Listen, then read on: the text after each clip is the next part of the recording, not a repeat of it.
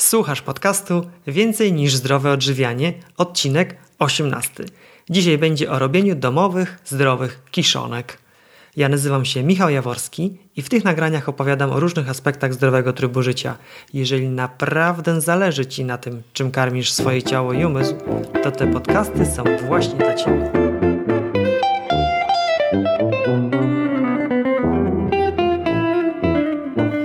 Jak myślę o kiszonkach, to przypomina mi się z dzieciństwa jesienne kiszenie kapusty.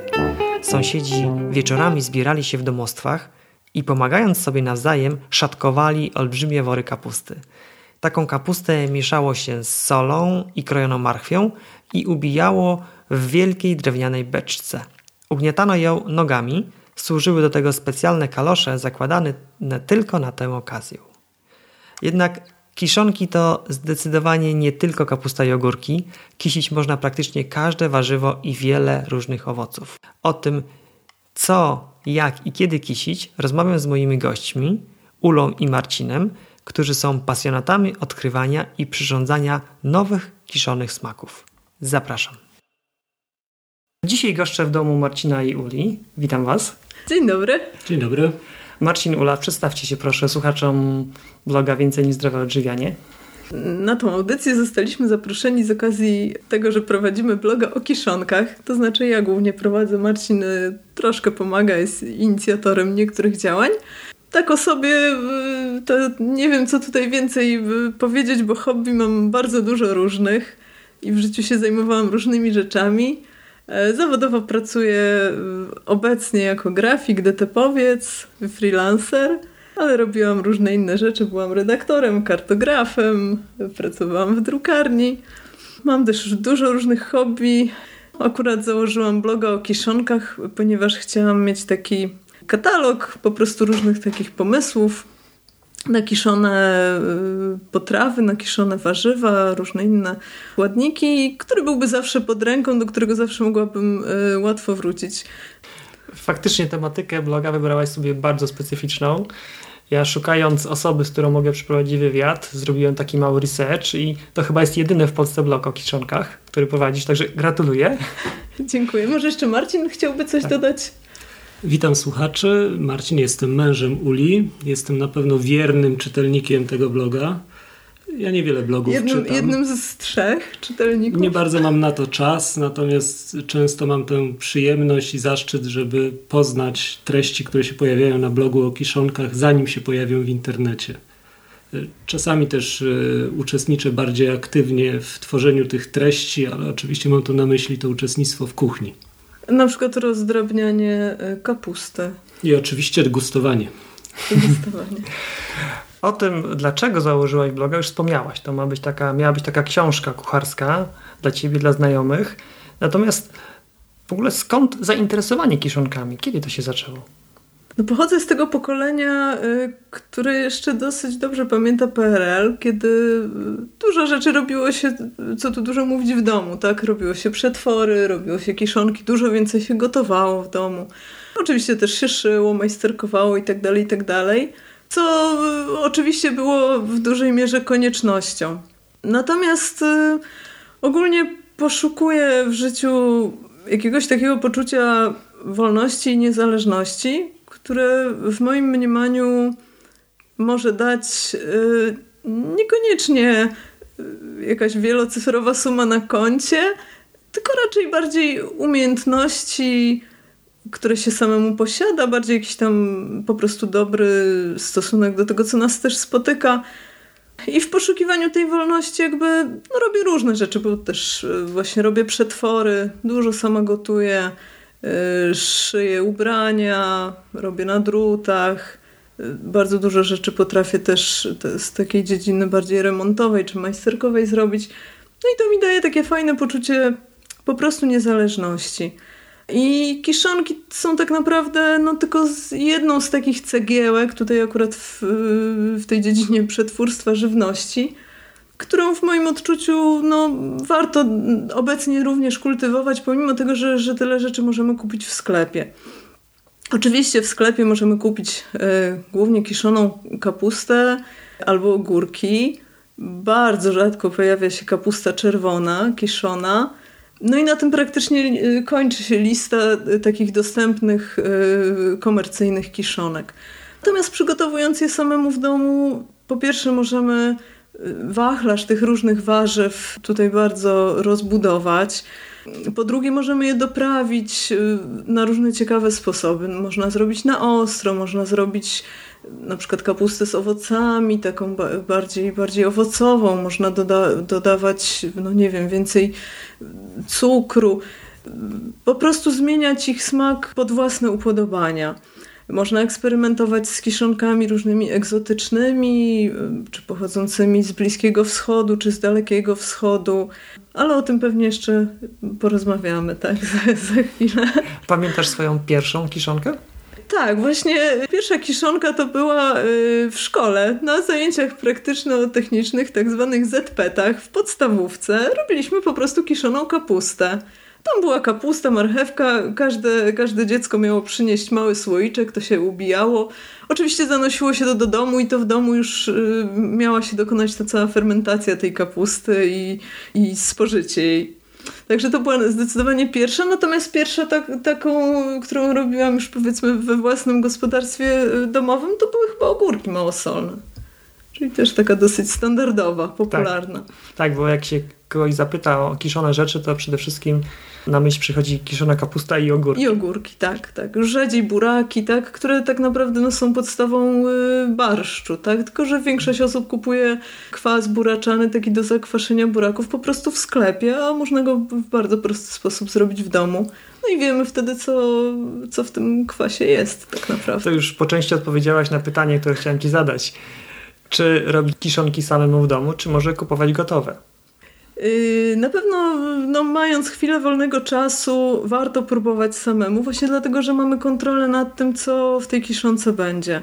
Yy, I tak jak mówiłam, możemy wykorzystać jakieś niestandardowe warzywa, przyprawić we, według yy, własnego gustu, no i, i, i, właśnie wiemy, wiemy, co tam jest, tak? Czyli wiemy, że powiedzmy w kapuście nie będzie nic poza kapustą i solą. Czy w ogórkach, tak? Dodamy tam sobie czosnek, chrzan, nie będzie dodatku, nie wiem, kwasku cytrynowego czy jakichś tam tak. innych substancji, które po prostu ym, mogą, choć nie mówię, że, że nie, niekoniecznie muszą być do, dodawane w takim y, przetwórstwie przemysłowym. Kiszonki to w ogóle bardzo ważny element zdrowej diety. Wspomniałaś o kilku zaletach robienia kiszonek. To przede wszystkim unikalne smaki, bo możesz sobie zrobić kiszonkę z tego, z czego chcesz. Wiesz, co w niej jest zawarte satysfakcja z tego, że samemu coś się zrobiło, ale kiszonka to też bogate źródło witamin i bakterii sprzyjających odpowiedniej florze w wielitach. No, oprócz tego jeszcze błonnik, mhm. oprócz tego różne składniki, które tak naprawdę na, na wejściu mają y, warzywa. Tutaj jeśli chodzi o o to, z czym kojarzą się w ogóle kiszonki, no to one przede wszystkim kojarzą się, na przykład kiszona kapusta kojarzy się z żeglarzami, którzy w czasach wielkich odkryć geograficznych zabierali całe beczki kiszonej kapusty, no i to była taka podstawa, y, żeby nie dostać szkorbutu, tak? Bo to był tak naprawdę jedyny sposób, żeby zabrać ze sobą w podróż y, no, duże ilości witaminy C. Czyli taka metoda konserwacji. To była metoda konserwacji kiedyś, tak? Przede mhm. wszystkim, bo no wiadomo, nie było lodówek, żywność się psuła. I y, tutaj przede wszystkim tak właśnie w strefie, tak jak czytałam o kiszonkach na świecie, to chyba przede wszystkim tutaj strefa tego klimatu umiarkowanego, właśnie Daleki Wschód, były znane, znane z kiszonek, bo mamy tutaj po prostu dobre warunki do tego, żeby, żeby one się udawały. No i właśnie przede wszystkim był to dawniej yy, taki rezerwuar tej witaminy C i innych w ogóle witamin na zimę. Czyli taka metoda konserwacji, która zachowuje praktycznie wszystkie ważne składniki. No oprócz tego właśnie kwas mlekowy. Kwas mlekowy, który naturalnie występuje w ciele człowieka, występuje w przewodzie pokarmowym, przede wszystkim w jelitach, ale występuje też na skórze, występuje na błonach śluzowych i ma jakby tutaj dosyć duże znaczenie dla naszego zdrowia. To znaczy niedobór tego, tego kwasu mlekowego w jelitach może powodować na przykład zaparcia, jakieś tam różne inne nieprzyjemne y, historie. Y, wręcz taka dieta właśnie uboga w kwas mlekowy może prowadzić do, do, do jakichś takich historii rakowych, raka na przykład jelita grubego. Dlatego warto, żeby ten kwas mlekowy jakby w naszej diecie był. I tutaj taka ważna informacja, dobra na przykład dla wegan, którzy nie mogą tego kwasu mlekowego przyjąć w kefirze czy w jogurcie, że oni mogą właśnie zastąpić to kiszonkami, tak? Będzie to ciągle ten sam kwas mlekowy. Wzbogacą, wzbogacą swój układ pokarmowy w ten składnik. Tak. Jak czytałam o kiszonkach, to jednym z głosów przeciwko kiszonkom, jakie usłyszałam, to było to, że zawierają dużo soli. Jak sobie z tym poradzić?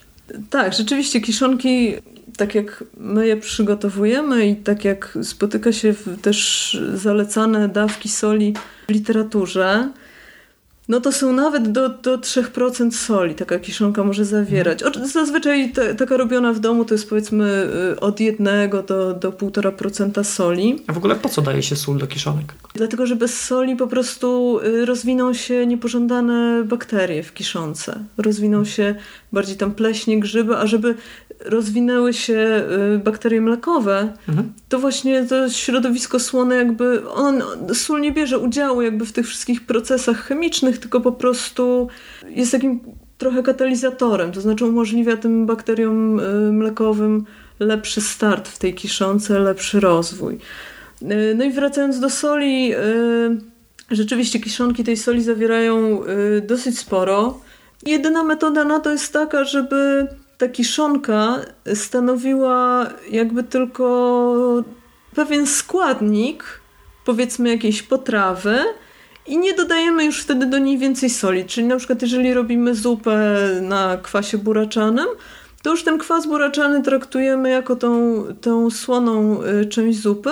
Nie solimy jej dodatkowo. Jeżeli robimy surówkę, na przykład mieszamy kapustę czerwoną, y, kiszoną z jakimiś świeżymi warzywami, to polecam, bo to bardzo fajny zestaw, na przykład z porem, z marchewką, no to już też nie solimy tego dodatkowo, nie ma takiej potrzeby, to już będzie wystarczająco słone. Poza tym możemy też po prostu, traktując to jako dodatek do obiadu, no nie solić innych dań. Możemy albo posolić je bardzo y, mało, mm, ziemniaków, czy tam kaszy, czy makaronu, czy, czy jakichś tam innych rzeczy, które robimy. Jeżeli ziemniaki się ugotuje na parze, to praktycznie bez soli są doskonałe. Tak, tak, mhm. tak. W ogóle warzywa gotowane na parze, jakby warzywa też zawierają swoje własne sole i to mhm. na przykład jak zrobi się pora mhm. na parze, to mhm. wyraźnie czuć, że, że tam w tym porze jest i, i sól, i cukier i w ogóle on po prostu sam smakuje wyśmienicie. Tutaj, mhm. jeśli mogę powiedzieć, to mistrzem komponowania różnych surówek y, właśnie jest Marcin, który po prostu zagląda do lodówki miesza, miesza kiszonki z tym, co tam znajdzie. Aczkolwiek ja niechętnie gubię smak kiszonek, więc bardzo często ta surówka jest po prostu na bazie kiszonki jako takiej z dodatkiem jakiegoś tłuszczu. Tutaj myślę, że najlepszym jest oliwa i ewentualnie innej przyprawy, niesłonej przyprawy, czyli jakiś pieprz, kminek, czomber, in, inne przyprawy ziołowe. Mhm. Jak dla mnie wtedy taka, taka y, surówka ma ten taki najbogatszy smak, ale to też wynika z tego, że e, ja preferuję dobrze ukiszone czy wręcz przekiszone kiszonki. Czyli w przypadku na przykład ogórków. Mocno kwaśne. Chętnie będę jadł przekiszone ogórki, nieco mniej chętne, chętnie małosolne. Jeżeli dyskutujemy na temat tego, czy już przerwać proces kiszenia w kapuście, to ja zawsze optuję za tym, żeby jeszcze nie przerywać, żeby dać jej jeszcze parę dni szans, żeby te, te warunki, w których e, zachodzą te procesy, dalej przebiegały, jeżeli jeszcze jest potencjał w warzywie, jeżeli jeszcze są cukry, które są niezbędne do tego procesu, to żeby one jeszcze zostały wykorzystane. Tu fajnego terminu użyłeś. Przerwać proces fermentacji. W ogóle na czym polega fermentacja? Bo rozumiem, że to z jakichś etapów się składa.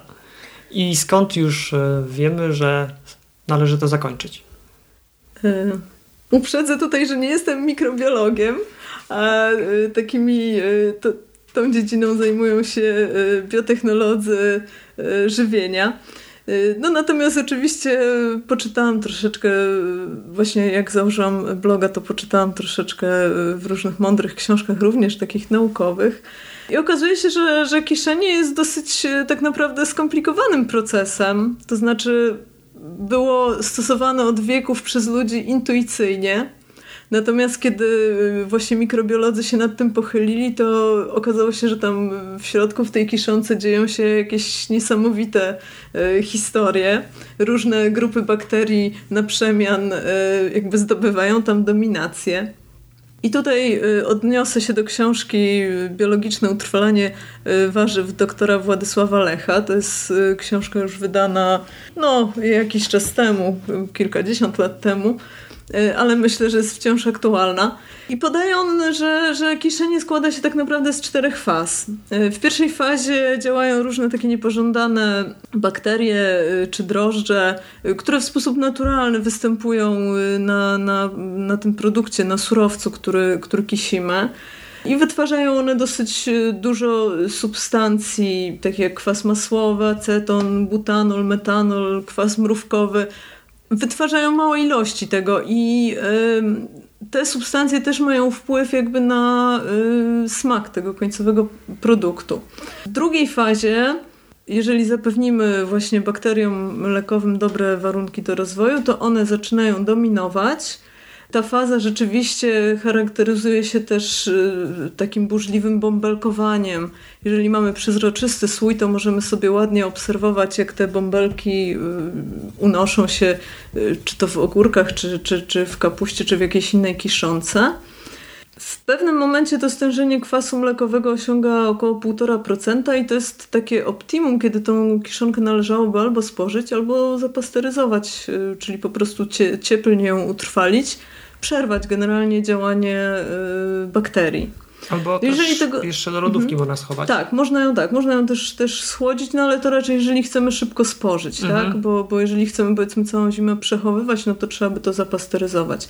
Później następują jeszcze dwie kolejne fazy. Drożdże yy, zaczynają rozkładać te kwasy, znowu mogą pojawić się bakterie niepożądane i to już jest taki moment, kiedy Yy, może nastąpić ta czwarta, najgorsza faza, czyli po prostu, po prostu psucie się kiszonki. Wchodzą bakterie gnilne, wchodzą yy, pleśnie, które na przykład tworzą kożuchy na powierzchni. No, to znaczy, że właśnie przetrzymaliśmy już kiszonkę yy, o, o wiele za długo i no po prostu znowu spada ilość kwasu mlekowego, ona już no, w zasadzie nie nadaje się w tym momencie do spożycia. A tak patrząc na ten słój przejrzysty, te bąbelki, które lecą, jak rozpoznać, że ta druga faza już jest właśnie na ukończeniu i trzeba albo zjeść, albo ją tam słodzić? Ja to robię zwykle tak, że jeżeli robię na przykład kapustę w przezroczystym e, słoiku, to przyklejam sobie na słoiku karteczkę z boku i zaznaczam po prostu każdego dnia y, poziom, bo taka, bo ta kapusta po prostu zaczyna tak jakby rosnąć. Znaczy, jeżeli nie jest obciążona od góry, no to się unosi. Mhm. Oczywiście staram się ją też ubijać, no bo tam chodzi o to, żeby ona była jakby jak najbardziej ubita. To jest tak, że pierwszego dnia na przykład nic się nie dzieje, na drugi dzień ona podnosi się o pół centymetra, a trzeciego dnia podnosi się aż o 3 albo o 4 centymetry. I to jest taki właśnie ten gwałtowny wzrost, który no, każdy tutaj bez żadnego laboratorium może sobie sam w domu zaobserwować. No następnie no, czekam jeszcze mniej więcej jakieś dwa dni. E, właśnie albo ubijam, albo nie, ale ona zawsze o te 3 cm później się podnosi. Na przykład e, każdego dnia, tak? Jeżeli ją ubiję, ona znowu się podnosi. I później sprawdzam to już organoleptycznie, to znaczy próbuję, tak, sprawdzam, czy ma dobry zapach, czy ma dobry smak. Jeżeli dla mnie jest ok, to po prostu wstawiam do lodówki, no i w ciągu tam kilku następnych y, dni, powiedzmy, staram się ją zużyć. A dlaczego kapusta powinna być ubita? To jest związane y, z tymi właśnie warunkami, które są najbardziej korzystne dla bakterii mlekowych. Chcemy generalnie doprowadzić do tego, żeby bakterie mlekowe zdominowały wszystkie inne bakterie w kiszonce. Czyli żeby wyrugowały właśnie drożdże, y, pleśnie, jakieś tam y, bakterie gnilne i tak dalej, i tak dalej. Tutaj, jak, jak mówię, nie jestem mikrobiologiem, więc nie będę popisywać się wiedzą. Natomiast y, y, trzeba po prostu zdać sobie sprawę z tego, co te bakterie mlekowe lubią. Po pierwsze, lubią właśnie środowisko beztlenowe.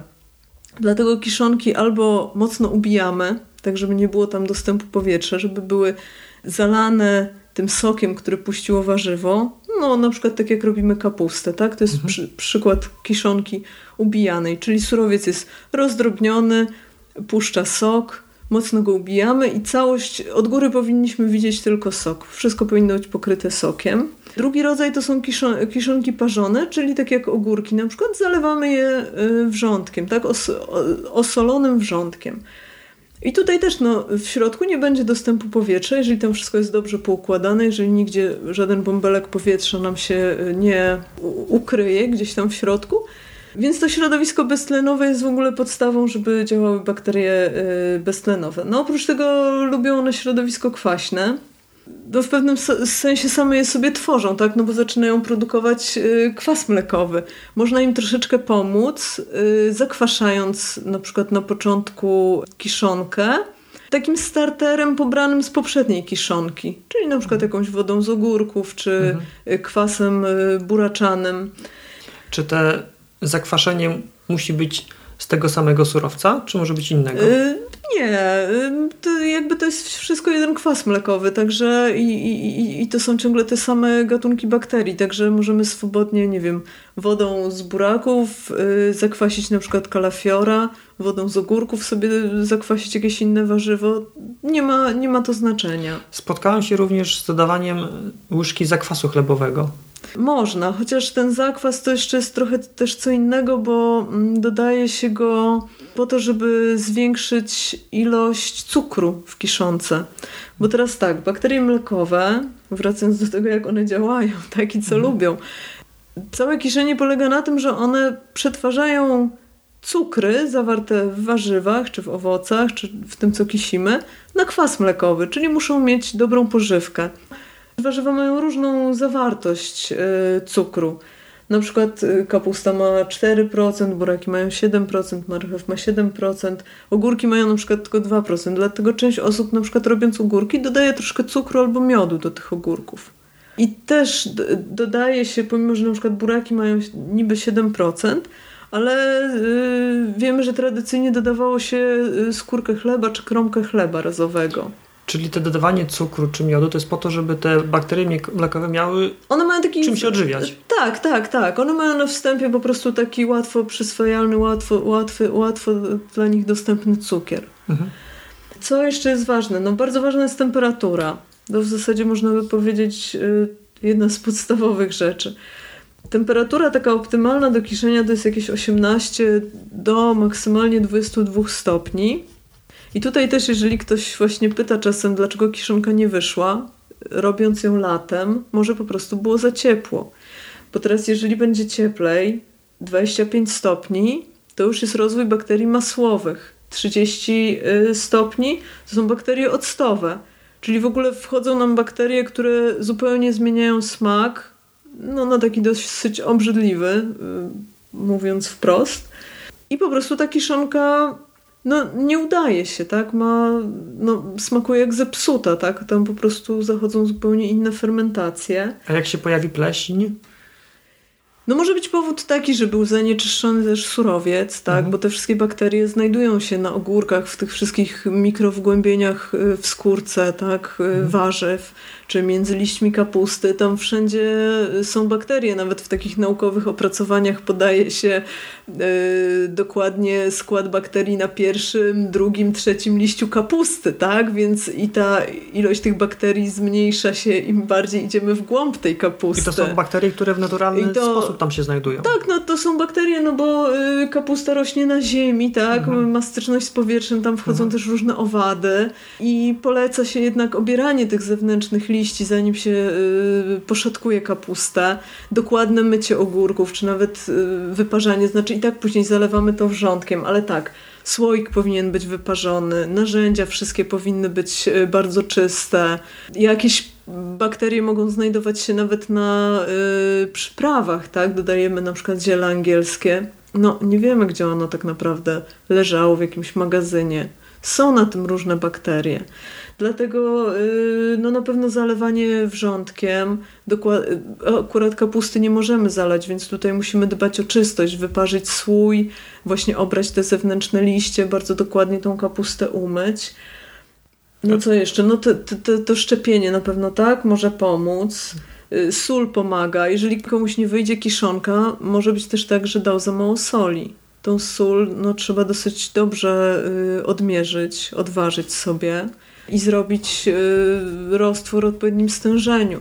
Tak jak mówię, no w domu dajemy zazwyczaj 1,5% y, do takich kiszonek zalewanych i na kapustę w zasadzie też dajemy 1,5% wagi kapusty, tak? Czyli to wychodzi troszeczkę y, wyższe stężenie w przypadku kapusty. Czyli tak podsumowując warunki do rozwoju bakterii mlekowych, to pierwsze środowisko beztlenowe, tak, czyli dobrze tak, ubity surowiec, tak. ewentualnie zalany, zalany solanką, tak, żeby solanką, ten tlen tam nie tak. wychodził. Odpowiednia temperatura między 18 i 22, 22. stopnie. Odpowiednie stężenie soli. Tak jest. Minimum 1,5%.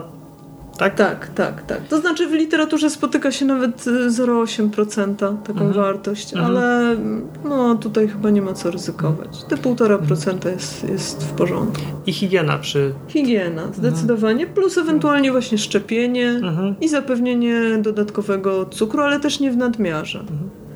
No to już mamy podstawy teoretyczne. Tak jest. Tak jest. Czas zabrać się do praktycznego działania. Powiedzcie, w czym kisić kiszonki najlepiej? Ja myślę, że najlepiej byłoby kisić e, w naczyniach naturalnych, czyli w beczkach. Drewnianych? Tak, jak Dębowych. najbardziej drewnianych. Ale, to, tak. ale to Marcin tutaj e, trochę tak, e, że tak powiem, każda sroka swój ogonek chwali, ponieważ Marcin jest leśnikiem i zawodowo zajmuje się drewnem. Pewnie jeszcze Stąd to drewno.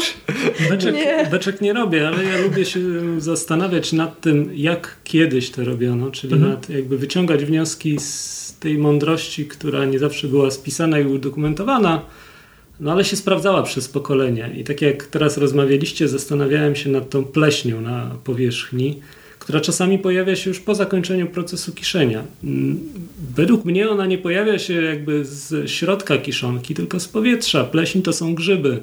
Mhm. W powietrzu mamy mnóstwo zarodników, które po prostu w pewnym momencie osiądą nam na powierzchni tej kiszonki i ta pleśń się po prostu rozwinie na zewnątrz. To też jest być może taka wskazówka, że rzeczywiście zdjęcie tej pleśni yy, uratuje tą kiszonkę. Nie, nie będzie przesłanek ku temu, żeby rezygnować z niej. Jednocześnie jak się zastanowimy nad tym, jak to kiedyś z kiszonkami postępowano już po zakończeniu procesu kiszenia, przecież były dwie metody. Jedna metoda polegała na chowaniu w ziemiankach, gdzie była stabilna yy, niska, temper temperatura. niska temperatura, ale też nie było światła. Czyli znowu tutaj prawdopodobnie jakaś podpowiedź, że czy, czy te grzyby, czy, czy bakterie, akurat te, które mogły zaszkodzić kiszonkom, prawdopodobnie jednak potrzebowały tego światła.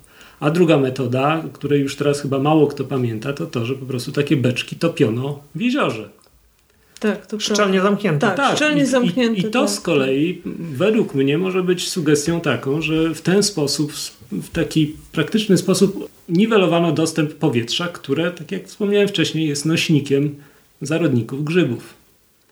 Mhm. Także ja optuję za drewnianymi beczkami. No ale dobrze, ale zobacz, możemy y, szczelnie zamknąć kiszonkę w słoiku szklanym też i jakby tutaj też uniemożliwimy z ciemnego dostęp. Szkła. Z ciemnego, no albo ze zwykłego nawet szkła możemy żeby... włożyć do szafki. No tak. To znaczy, moim zdaniem najważniejsze jest to, że surowiec, z którego będzie wykonane naczynie, nie może reagować z kwasami, tak? Bo całe kiszenie, no to są, to jest szereg reakcji chemicznych. To jest po prostu, tam jest kilkanaście czy wręcz kilkadziesiąt różnych reakcji. Powstają właśnie kwasy. Y, czyli absolutnie nie może być to y, naczynie metalowe, chyba że emaliowane, tak? Wtedy będzie obojętne chemicznie. Bardzo dobre naczynie moim zdaniem to jest jakaś kamionka, jak, jakieś gliniane, szkliwione naczynie, y, jakiś słój czy garnek żaroodporny, zwykły, duży słój po prostu, który można szczelnie zakręcić. Są nawet bardzo fajne takie beczułki, kamionkowe, tak, kamionkowe, gliniane chyba, z płaszczem wodnym.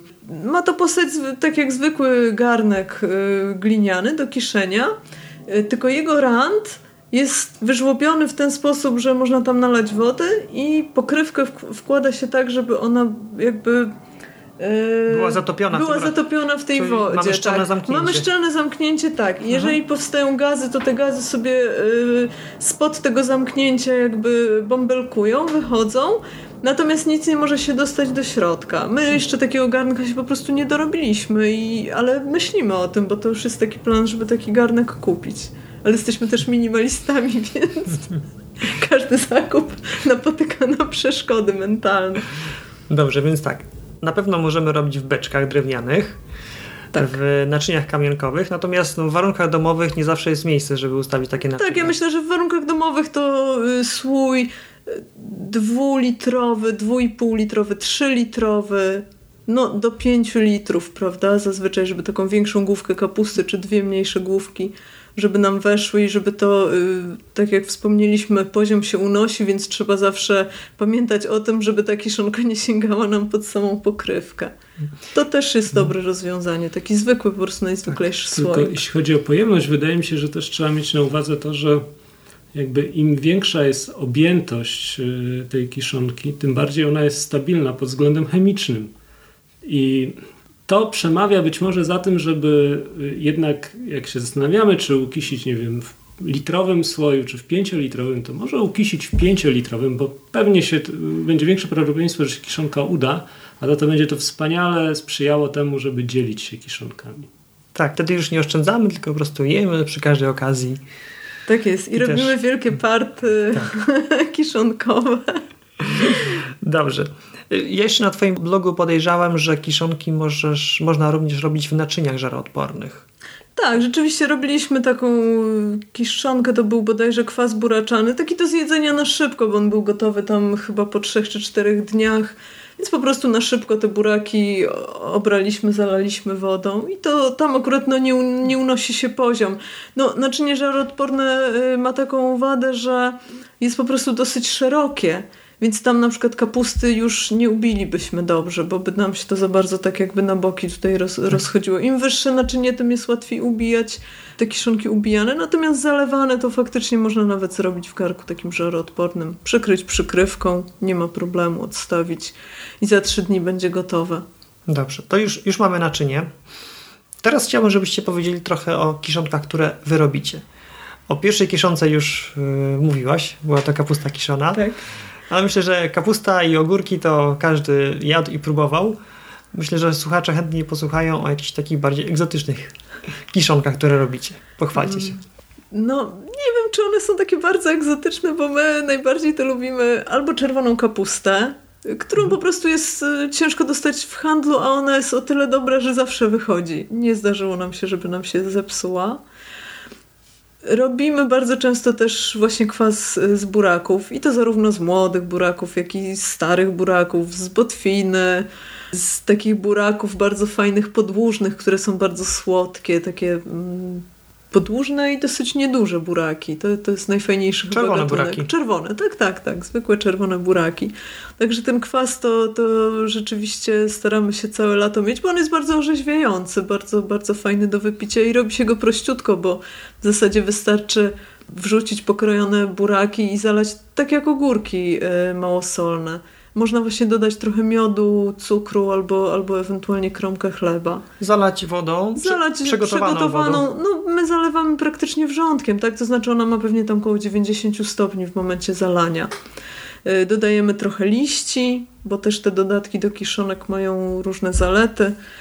Jakich liści dodajecie do buraków? Do buraków to dodawaliśmy bodajże liści porzeczki, bo akurat mamy swoje porzeczki, więc tych liści zawsze możemy sobie nazbierać nawet zamrozić i, i po prostu trzymać pod ręką w lodówce parę zamrożonych liści. Ale można też dodać liści dębu, wiśni, liści chrzanu chyba kiedyś dodawaliśmy. I to rozmaite takie liście roślin jadalnych, one zawierają garbniki. Liście winogron też bardzo dobrze o, liście winogron, tak. Szczególnie a poza tym, te młode. Tak, a poza tym liście winogron właśnie można później, to też jest taka może mniej standardowa kiszonka, bo liście winogron można też samodzielnie ukisić.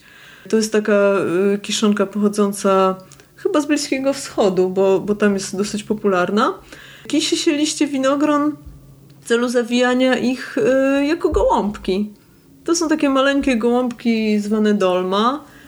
My te liście kiedyś widzieliśmy w jakimś sklepie orientalnym, chyba w słoiku, i później mm, poszperaliśmy w internecie i znaleźliśmy przepis, jak zrobić to samemu. Akurat mamy własne winorośle i możemy sobie też tutaj zebrać sami surowiec. I to się tak samo kisi, to znaczy zwija się te liście po prostu w ruloniki, wkłada do słoja, zalewa właśnie taką solanką, dodaje trochę przypraw i po kilku dniach w zasadzie są gotowe. Można robić gołąbki. E, no taką chyba najbardziej egzotyczną kiszonkę, tylko to nie my robimy, tylko y, mama Marcina. E, to jest kimchi. To jest kiszonka pochodząca z Korei. Ja przyznam szczerze, że, że, dla mnie ona jest absolutnie hardkorowa. Nie jestem w stanie nawet znieść jej zapachu. Ale jeżeli ktoś lubi takie ostre, mocne smaki, nie przeszkadza mu e, imbir, czosnek, chili i to wszystko wymieszane razem, jeszcze rzodkiew, czyli takie dosyć też e, siarkowe aromaty, no to, to, to by, myślę, że w małych ilościach jest to fajny dodatek do, jako taka surówka. Ale Marcin jest głównie miłośnikiem, może coś więcej powie o kimchi? No ja niestety nie miałem okazji próbować oryginalnego kimchi w Korei Południowej. E, natomiast rzeczywiście to, co według mnie stanowi o, o aromacie kimchi, to jest jednak rzodkiew. Rzodkiew biała? E, czerwona. czerwona. Przynajmniej te kimchi, które ja próbowałem, to miało właśnie rzodkiew czerwoną. Ale chyba w oryginale oni robią z białej właśnie. Tak jak mówię, nie miałem okazji próbować tej oryginalnej potrawy. I z tego, co wiemy tutaj od Ulitaty, który miał tę okazję, to tych odmian kimchi jest bez liku. I... To znaczy każdy robi prawdopodobnie w domu tam według jakiegoś swojego tak. właśnie gustu przepisu, tak jak u nas każdy robi po swojemu, nie wiem, szarlotkę albo Tak jak kapusta bigos. kiszona jest, można powiedzieć, naszą taką narodową kiszonką, tak kimchi jest podobno narodową kiszonką Koreańczyków. I w związku z tym też y, są odmiany, które są bardziej zalecane dla dzieci, które są łatwiej strawne, no i tak jak Ula powiedziała, to takie bardziej specyficzne w aromacie i smaku. Podobno nawet dodają tam y, filety z, z jakichś rybek y, do, do tej kiszonki. Też jest taka odmiana rybna kimchi. Ja miałem okazję jadać kimchi kilka razy w barze sushi. Czasem aha, jest podawane aha. w ramach zestawu również kimchi i faktycznie smak jest dość wymagający. Y, tak na granicy zepsucia bym powiedział. Natomiast zjadłem i smakowało mi. A była ostra? Tak, to było pikantne.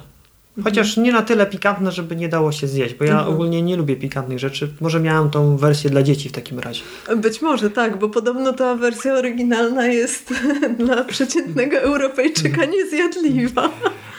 Natomiast dla mnie takimi kiszonkami, które są bardzo atrakcyjne, są mieszane kiszonki, czyli takie, które, w których y, pojawiają się różne warzywa, no głównie warzywa korzeniowe.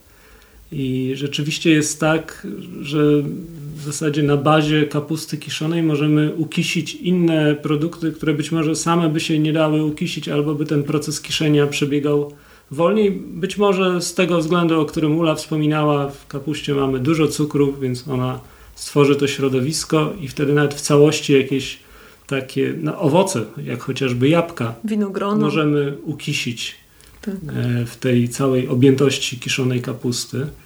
Podaj jakiś przykład takiej mieszanej kiszonki. Znaczy, no, naj, to, to akurat nie będzie się odnosiło do, do kapusty, ale takim moim ulubionym zestawieniem to jest yy, kiszone kawałki selera, które są kiszone razem z ogórkami kiszonymi. Jak wiemy, yy, tradycyjnie przy kiszeniu ogórków kiszonych dodajemy koper i ten koper świetnie komponuje się yy, właśnie z smakiem selera, który też jest smakiem dość takim charakterystycznym. Mhm. Możemy dodać też do obok tego selera właśnie marchew, możemy dodać pietruszkę. To, to wszystko tworzy, jak dla mnie, bardzo ciekawe kompozycje smakowe. Jednocześnie wtedy spożywamy te, te takie mm, warzywa korzeniowe, które nam się nie kojarzą z kwaśnym smakiem, właśnie w, w takim sosie kwaśnym.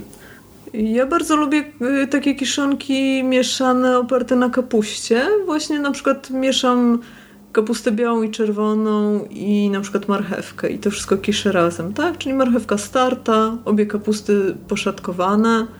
Tu akurat do szatkowania używam miksera, więc to wszystko y, trwa po prostu błyskawicznie.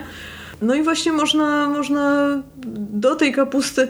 Kiedyś pamiętam, że próbowaliśmy kisić paprykę w kapuście, tylko chyba dosyć niefortunnie wybraliśmy odmianę papryki, bo wybraliśmy tą taką białą, kremową paprykę i ona okazała się po ukiszeniu, była zjadliwa, ale była jednak troszkę zbyt gorzka. Dobrze by było chyba tutaj y, jakiś inny gatunek papryki. To akurat Marcin y, jak był w Bośni próbował y, kiszonej papryki, tam ró- różne warzywa kisili i właśnie jak wrócił to, to, to próbowaliśmy coś takiego zrobić. Z egzotycznych rzeczy, no próbowałam ostatnio zrobić kiszone cytryny, o których dużo się naczytałam, ale niestety mi się nie udały. Właśnie pojawiła się pleśń i zastanawiałam się, czy to nie było związane z tym, że y, przepis wymagał aż czterech tygodni w ogóle odstawienia tej kiszonki. Była w ciemnym miejscu, była, była zamknięta w szafce. Nie wiem, czy to nie było zbyt długo, bo na początku chyba wszystko szło dobrze i, i właśnie mniej więcej tak po trzech tygodniach pojawiła się y, pływająca pleśń. No niestety musiałam to wyrzucić. Także no też nie zawsze nam się udaje. Kiedyś pamiętam zrobiliśmy, y, chcieliśmy zrobić kwas y, buraczany i za mocno zblanszowaliśmy buraki. To znaczy one już były no, prawie ugotowane, można powiedzieć. E, I prawdopodobnie te cukry w tych burakach były już zbyt rozłożone, uległy skróceniu te, te, te wszystkie łańcuchy tych węglowodanów. No i ta kiszonka się po prostu zepsuła po jakimś czasie. Też tam po, po tygodniu chyba zajrzeliśmy i po prostu no, śmierdziała, co tu dużo mówić. Także nie zawsze się udaje. Blanszowane buraki, czyli zalane gorącą wodą. Tak? Y, tak, tylko tamte były chyba na parze zrobione, właśnie nie pamiętam, ale jakoś za długo. Tak, bo generalnie jest taka teoria, żeby blanszować te warzywa twarde, korzeniowe, takie jak seler, buraki, marchewkę, dlatego że blanszowanie powoduje to, że, że one są łatwiejsze do przeniknięcia dla tych bakterii w ogóle, czyli że się szybciej ukiszą. No my jeszcze nie opracowaliśmy tutaj, jak długo trzeba blanszować, albo w jaki sposób trzeba blanszować, tak? Czy w wodzie, czy na parze. Jeszcze musimy nad tym popracować, natomiast y, surowe zawsze się udają, tak? Prędzej czy później się ukiszą. I ten kwas robimy po prostu z surowych buraków. Tylko te twarde warzywa korzenne to zalewacie gorącą Tak, tak, tak. wodą z sodą. Tak, tak. A kapusty już nie. No kapusta nie, bo ona robi się w sosie własnym, że tak powiem, czyli sama puszcza sok pod wpływem soli, tam się niczego nie dodaje. Natomiast kapusta niewątpliwie wymaga tego, żeby mechanicznie rozbić no, ścianę komórkową po prostu wewnątrz, komórek, które wewnątrz zawierają właśnie węglowodany, po to, żeby udostępnić, ułatwić dostęp do tych węglowodanów na pierwszym etapie kiszenia. Stąd to takie tradycyjne deptanie kapusty. Przecież tak naprawdę temu to I jest to służyło. takie trochę miażdżenie już, tak, tak? bo najpierw się szatkuje, to rzeczywiście puszcza sok, ale sól też powoduje puszczenie soku, natomiast później się jeszcze tą kapustę tak tradycyjnie ubija, czyli jeszcze troszeczkę miażdży te, te wszystkie włókna roślinne. Natomiast to, to, co jest ciekawe, bo na pewno wielu słuchaczy słyszało o kiszonej kapuście w całości, w główkach. No ja nie słyszałem. A to, to, to jest dość, To jest taka legenda rodzinna dość, trochę. dość popularna, mm, no, jakby produkt do, do stworzenia potrawy, zaraz powiem do jakiej, na naszych kresach, na Ukrainie. Ale to też osiągano w ten sposób, że w całej masie normalnie y, przygotowanej kapusty do kiszenia, czyli poszatkowanej i wygniecionej, zanurzono właśnie te główki kapusty. Tak. A do czego to służyło? No, taką tradycyjną potrawą, tak jak to już Ula wspomniała, dość powtarzaną tutaj w mojej rodzinie jako taka legendarna potrawa były gołąbki, które były w kapuście, w liściach kapusty, Ale ale, kapusty kiszonej. kiszonej. Przez co jeszcze nabierały takiego właśnie aromatu specyficznego dla kwaszonej kapusty. Coś pomiędzy gołąbkami a bigosem wręcz, tak. Tak. Tutaj Ula nie wspomniała, pewnie przez skromność, o tym, że na jednym z naszych wyjazdów zagranicznych y, zakochaliśmy się w kiszonce z rejonu, no, powiedziałbym Morza Śródziemnego, ale w zasadzie to Morza Czarnego, kiszonej marchewce. Tą potrawę pierwszy raz jedliśmy kupując ją bezpośrednio od, od y, Tatarów zamieszkujących Krym. No i bardzo chcieliśmy móc jakby powtarzać to doświadczenie kulinarne, tym bardziej, że na Krym jednak nawet w czasach, kiedy to było prostsze, to nie jeździliśmy tak często. I te nasze doświadczenia no, trwały dość długo. To znaczy, mówiąc krótko, nie za pierwszym razem się udało osiągnąć coś, co było zbliżone do oryginału. A to może Ula opowie, jak się dochodzi do tego ideału, jeśli chodzi o kiszenie marchewki. No, przede wszystkim ta potrawa, którą jedliśmy, to była, y, to były coś w rodzaju kiszonych czy marynowanych bakłażanów, jeszcze tak naprawdę zanurzonych w dosyć, w dosyć dużej ilości oleju czy oliwy. I te, I te bakłażany były nacięte i właśnie nadziewane marchewką. Było to w ogóle jakieś koszmarnie ciężko strawne, ale było pyszne. Ta marchewka była bardzo mocno czosnkowa. I w zasadzie wiedzieliśmy o niej tyle, że jest rozdrobniona, czosnkowa, ukiszona. No i próbowaliśmy do tego dojść, tak? To znaczy mhm. robiliśmy ją yy, ala kapustę, czyli po prostu rozdrobnioną, ukiszoną w tym sosie własnym, mocno ubitą, zasoloną. I wydaje mi się, że nie wiem, gdzieś za trzecim razem chyba nam wyszedł już ten smak, o który chodziło. Dodaliśmy dosyć dużo kolendry i bardzo, bardzo dużo czosnku.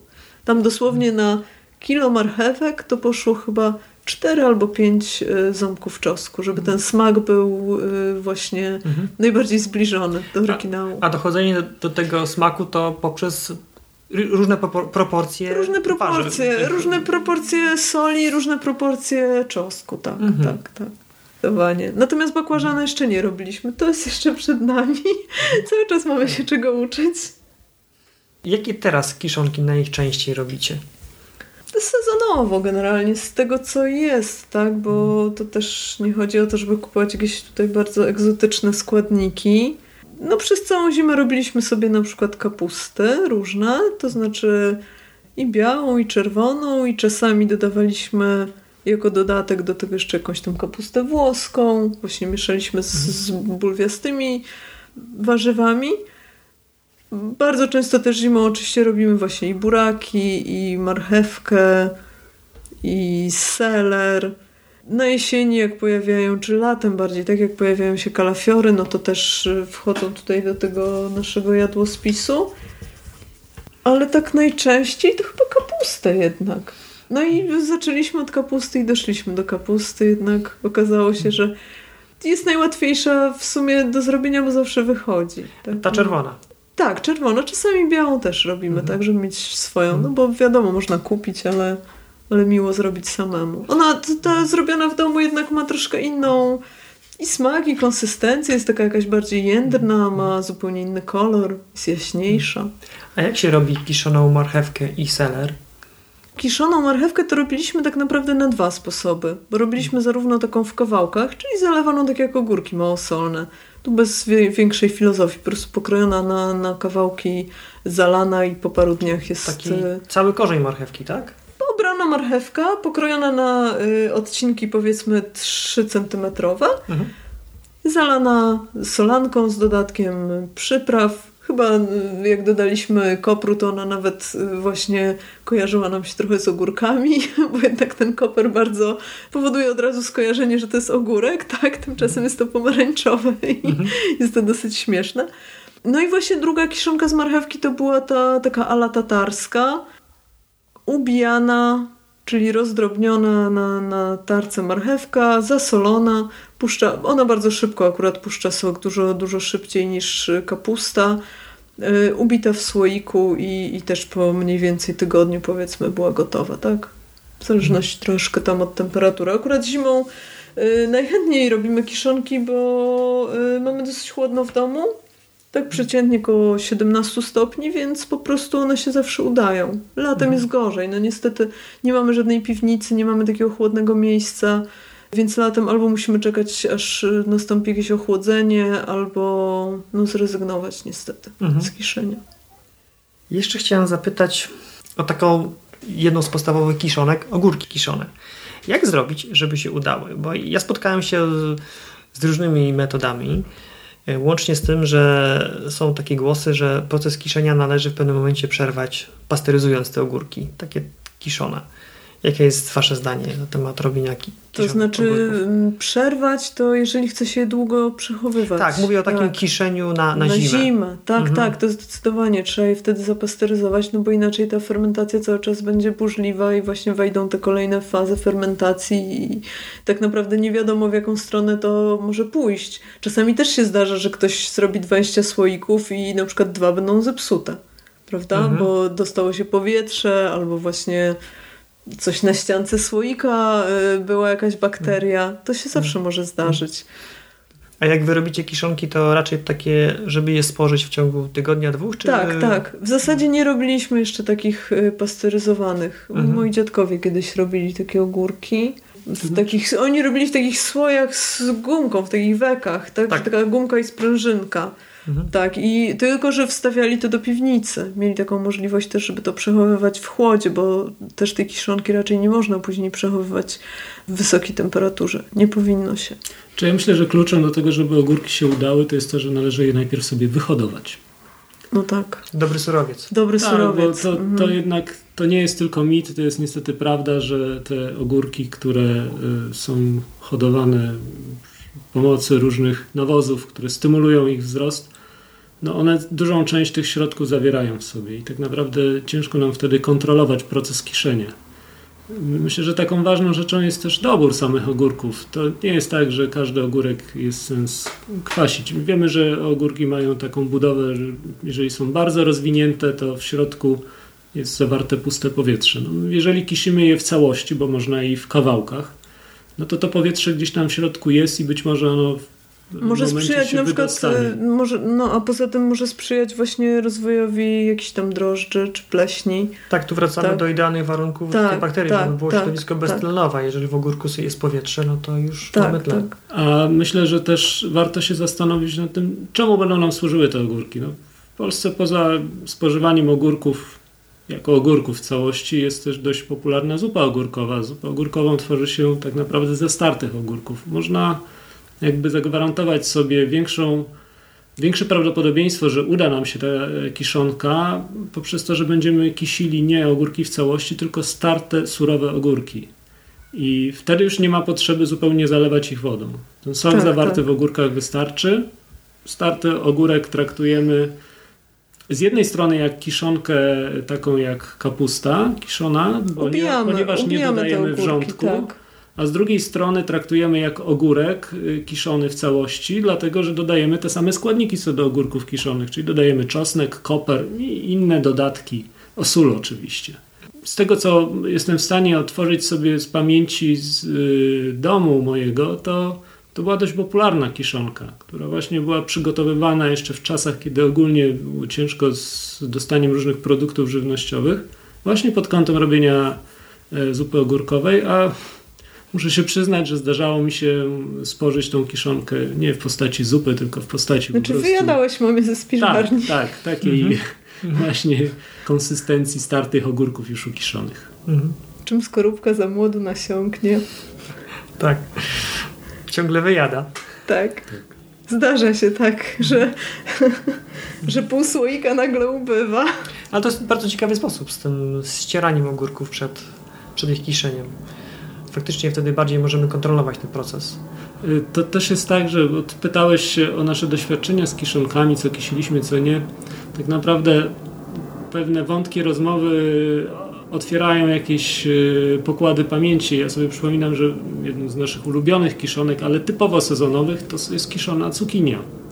Hmm. I tą cukinię kisimy w zasadzie tak samo jak ogórki. Tak, tak, to się robi praktycznie identycznie. Najlepsze do tego są chyba takie małe cukinie w Jak sumie. ogórki małosolne? Tak, tak. Tak, tak. Z tymi samymi przyprawami? Z tego co pamiętam, to tak. Na z pewno czosnek, ale ja nie wiem, czym dała kopru. Ja bym chyba tam E, poszalała z jakimiś innymi ziołami. Ja myślę, że wręcz jeżeli Nie mamy wiem, obawy, czy nam wyjdą te kiszone cukinie, możemy pierwszy raz spróbować zakisić je razem z ogórkami. Mhm. I natomiast docelowo później można kisić je już y, indywidualnie.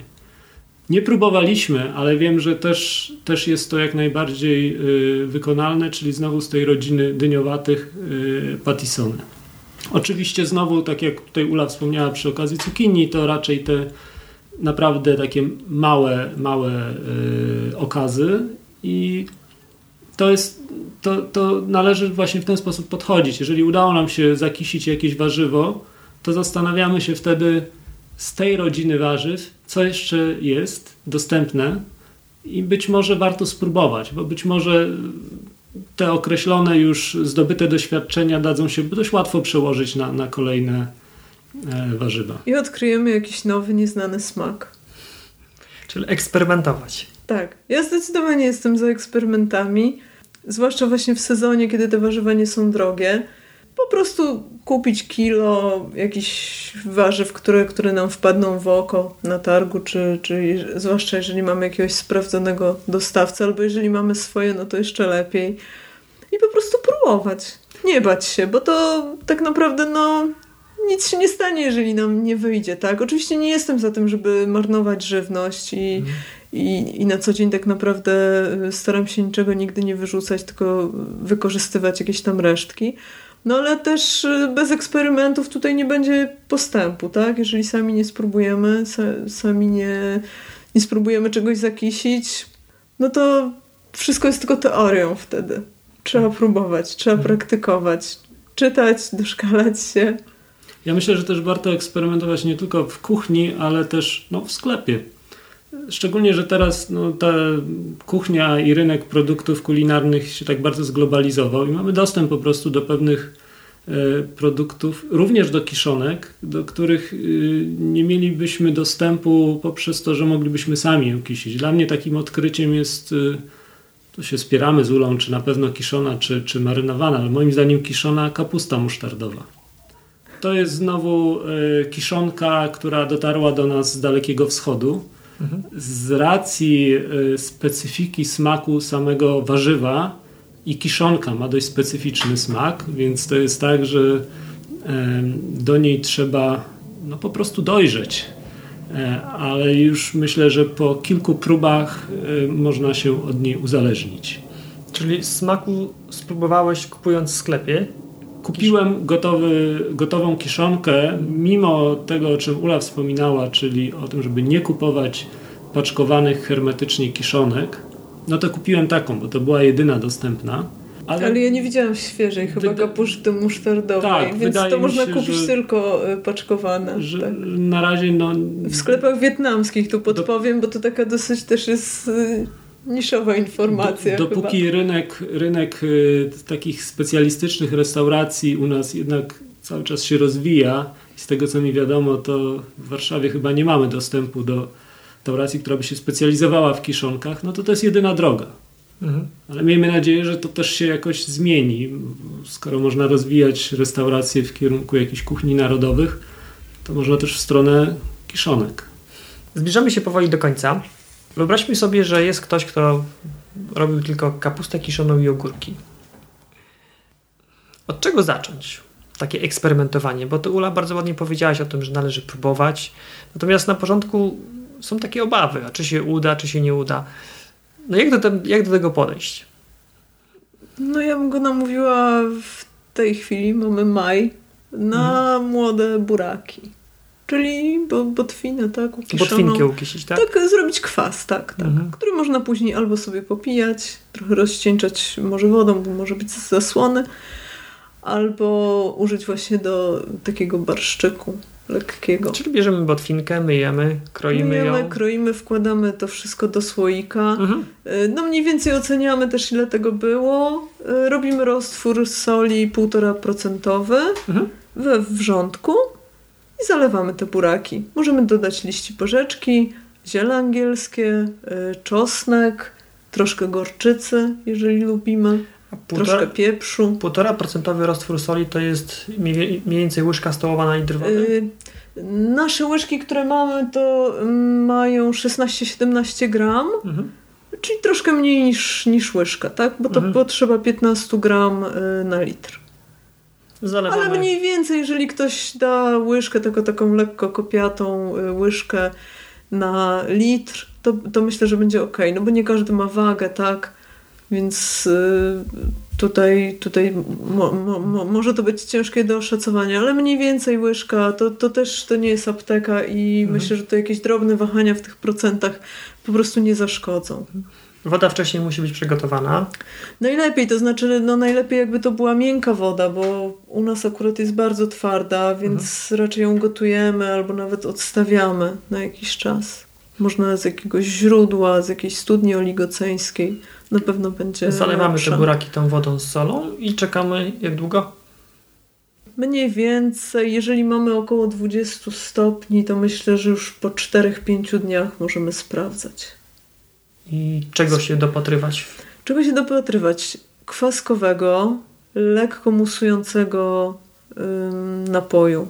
Mhm. Ten kwas, tak? Powinien być taki lekko musujący, kwaskowy, orzeźwiający na pewno taki w zapachu. Na pewno mhm. nie może mieć żadnego stęchłego czy takiego pleśniowego zapachu. Nie, nie, nie. I po czterech dniach można już to pić. Już można zaczynać próbować, tak. Mhm. Ja myślę, że tak y, no od 4-5 dni do tygodnia zazwyczaj. Mhm. No bo te wahania temperatury wiadomo. A co się robi z tymi burakami z tego, z tego kwasu? Wyrzuca się je czy jakoś zjada? Nie, nie, my albo zjadamy je tak po prostu, ale my jesteśmy...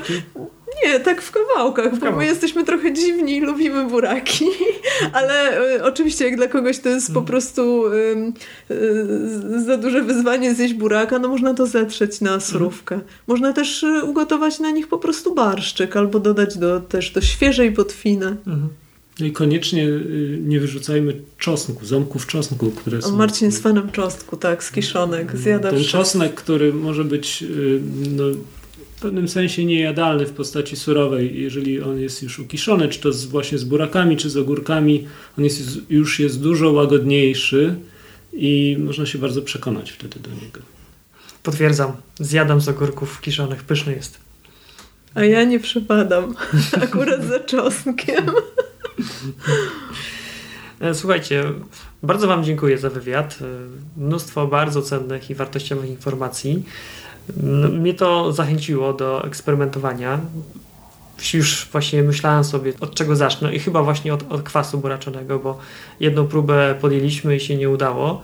Być może temperatura była za wysoka, więc teraz skorzystam z tego przepisu, o którym właśnie powiedzieliście i pewnie pierwszą kiszonkę, którą ja zrobię, to będzie kwas z buraków czerwonych. No to życzymy powodzenia. Tak? Nie, nie, należy się zrażać, nawet gdyby ta druga próba nie była jeszcze taka idealna. Naprawdę trzeba popracować. No tutaj własne doświadczenie jest, jest niezbędne. Co gorsza też, mimo tego, co Ula starała się przekazać, ciężko jest przekazać to doświadczenie. Tak naprawdę trzeba je samemu zdobywać. Tak. No my też dziękujemy z dziękujemy. swojej strony za zaproszenie. Bardzo dziękuję, do usłyszenia. Cześć. Cześć. Cześć. Wow, nie wiem jak ty, ale ja naprawdę nabrałem ochoty na zrobienie jakiejś domowej kiżonki. Notatki do tego podcastu jak zwykle znajdziesz pod bezpośrednim linkiem. Tym razem jest to www.więcej niż zdrowoodżywianie.pl ukośnik 018 pisane bez polskich liter i bez spacji. Jeżeli nagranie Ci się spodobało, to bardzo proszę wejdź na iTunes i zostaw swój komentarz. Jeżeli Ci się nie podobało, to też to zrób. Ważne, aby to była szczera ocena z informacją, co ewentualnie mógłbym poprawić, aby materiały, które przygotowuję, były jeszcze ciekawsze i bardziej przydatne. Dziękuję na dzisiaj i do usłyszenia za dwa tygodnie. Cześć!